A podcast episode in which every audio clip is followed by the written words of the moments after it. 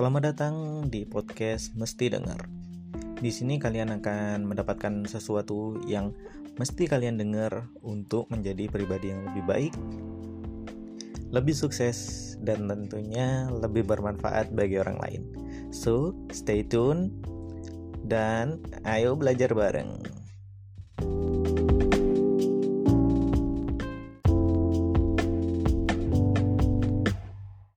Profesor Wei dan kali ini kita berada dalam segmen spesial Ramadan dari podcast Mesti Dengar.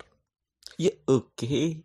di uh, segmen kali ya segmen spesial ini kita akan belajar bagaimana cara kita di situ menjadi lebih baik uh, bersama dengan momen-momen su uh, suci bulan Ramadan ini dan kebiasaan-kebiasaan yang bisa kalian kembangkan untuk dapat menjadi lebih baik di bulan Ramadan ini.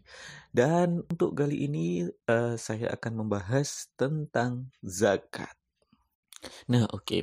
Zakat ini adalah suatu bentuk sodakoh atau pemberian yang di situ wajib ditunaikan oleh setiap orang Islam yang di situ menghirup nafas pada bulan Ramadan.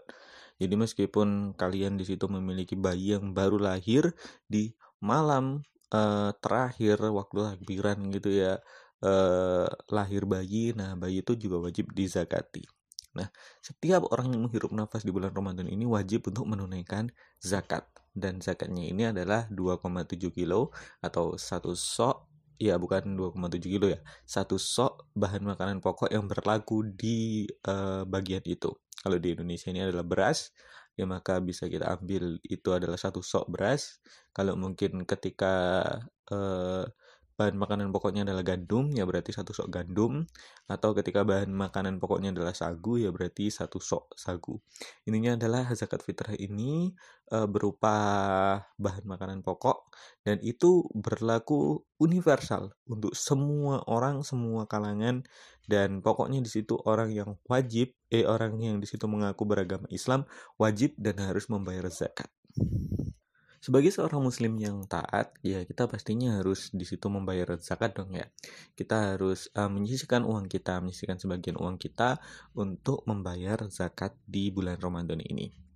Tapi apa sih kira-kira hikmah dari uh, mengerjakan zakat fitrah ini? Dan bagaimana kita di situ bisa uh, zakat fitrah ini bisa membuat diri kita itu lebih baik lagi? Karena zakat fitrah juga merupakan sebuah kebiasaan yang wajib dan perlu kalian kembangkan saat di bulan Ramadan sama seperti kebiasaan untuk berpuasa dan juga kebiasaan untuk sholat taraweh dan kebiasaan untuk membaca Al-Quran. Nah, ketika kalian zakat, itu juga kalian harus sukses dalam bulan Ramadan ini. Kalian nggak boleh meninggalkannya. Nah, apakah kira-kira zakat ini memiliki impact atau memiliki efek yang di situ begitu besar kepada diri kita, sehingga di situ menjadi sebuah patokan bahwa kalian itu sukses bulan Ramadan kalau kalian sudah menunaikan zakat? Apakah seperti itu? Oke, jadi seperti ini. Uh, pernah nggak sih kalian di situ uh, memikirkan bagaimana seandainya kalian nggak tahu apa yang akan kalian makan besok. Bukan berarti kalian bingung kalian harus masak apa. Tetapi ini benar-benar kelaparan yang tidak tahu besok itu kalian akan makan apa. Ya, memang terkadang kalau kita di situ uh, menjadi orang-orang yang di situ berkecukupan, memang ditakdirkan sebenarnya bukan ditakdirkan uh, diberi nikmat yang cukup banyak oleh Allah dan juga uh, nikmat uang atau mungkin makanan yang cukup banyak, kita mungkin akan sangat kesulitan untuk membayangkan hal-hal yang seperti itu. Orang yang di situ makanannya sudah tersedia, tidak perlu bersusah payah untuk mencari makanannya dan mungkin tidak pernah merasakan susahnya eh, ketakutannya bagaimana kalau dia tidak memiliki makanan satu atom pun atau satu butir padi pun sesuap nasi pun dia itu tidak punya. Itu ketakutannya seperti apa?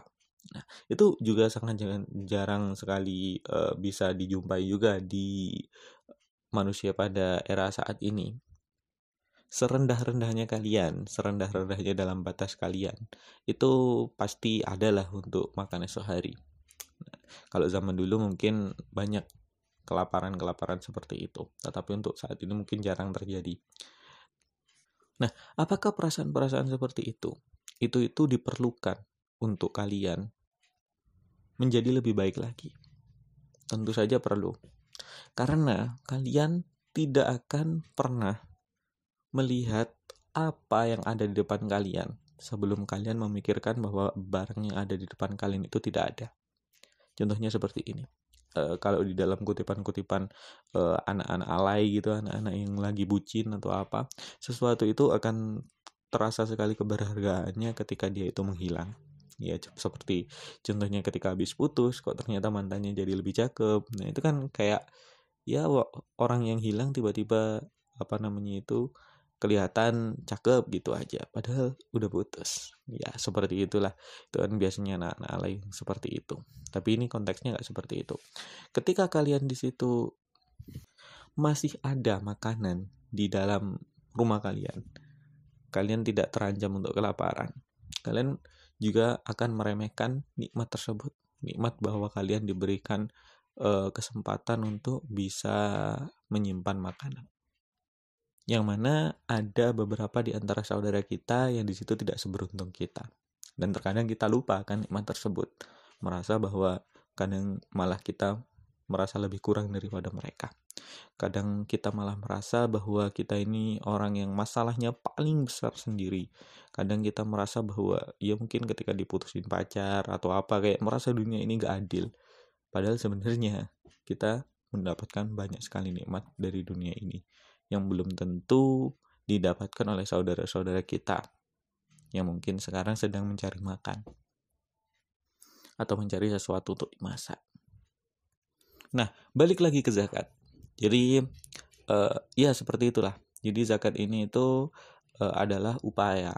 Sebenarnya bukan upaya sih. Hikmahnya adalah uh, ketika kita di situ menghitung dan menyerahkan zakat kita, seharusnya kita di situ berpikir bahwa untuk saat ini kita sudah diberikan kelebihan bahan makanan yang di situ mungkin tidak dinikmati oleh banyak orang yang ada di luar kita.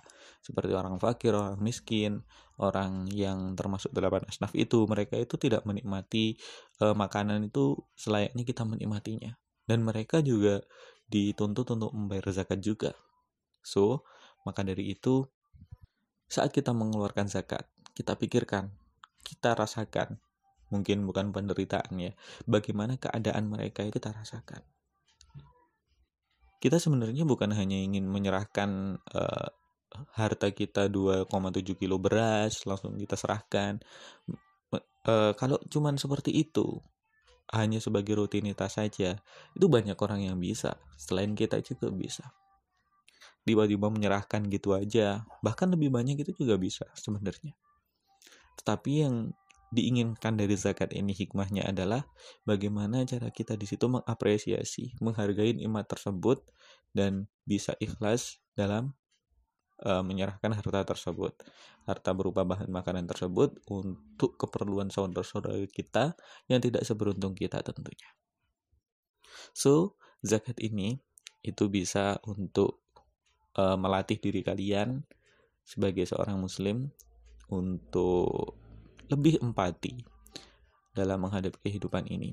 Jangan terlalu terlalu dalam masalah kalian sendiri.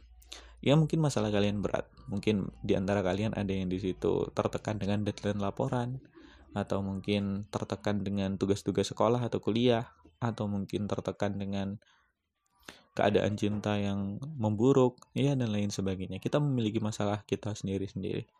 Tapi tolong ya berlatihlah untuk di situ melihat ke arah orang-orang yang di situ tidak lebih beruntung daripada kita.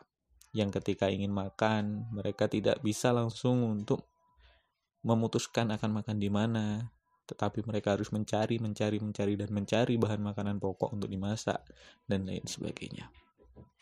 So, intinya adalah zakat ini perlu kalian biasakan, bahkan untuk tidak di bulan Ramadan.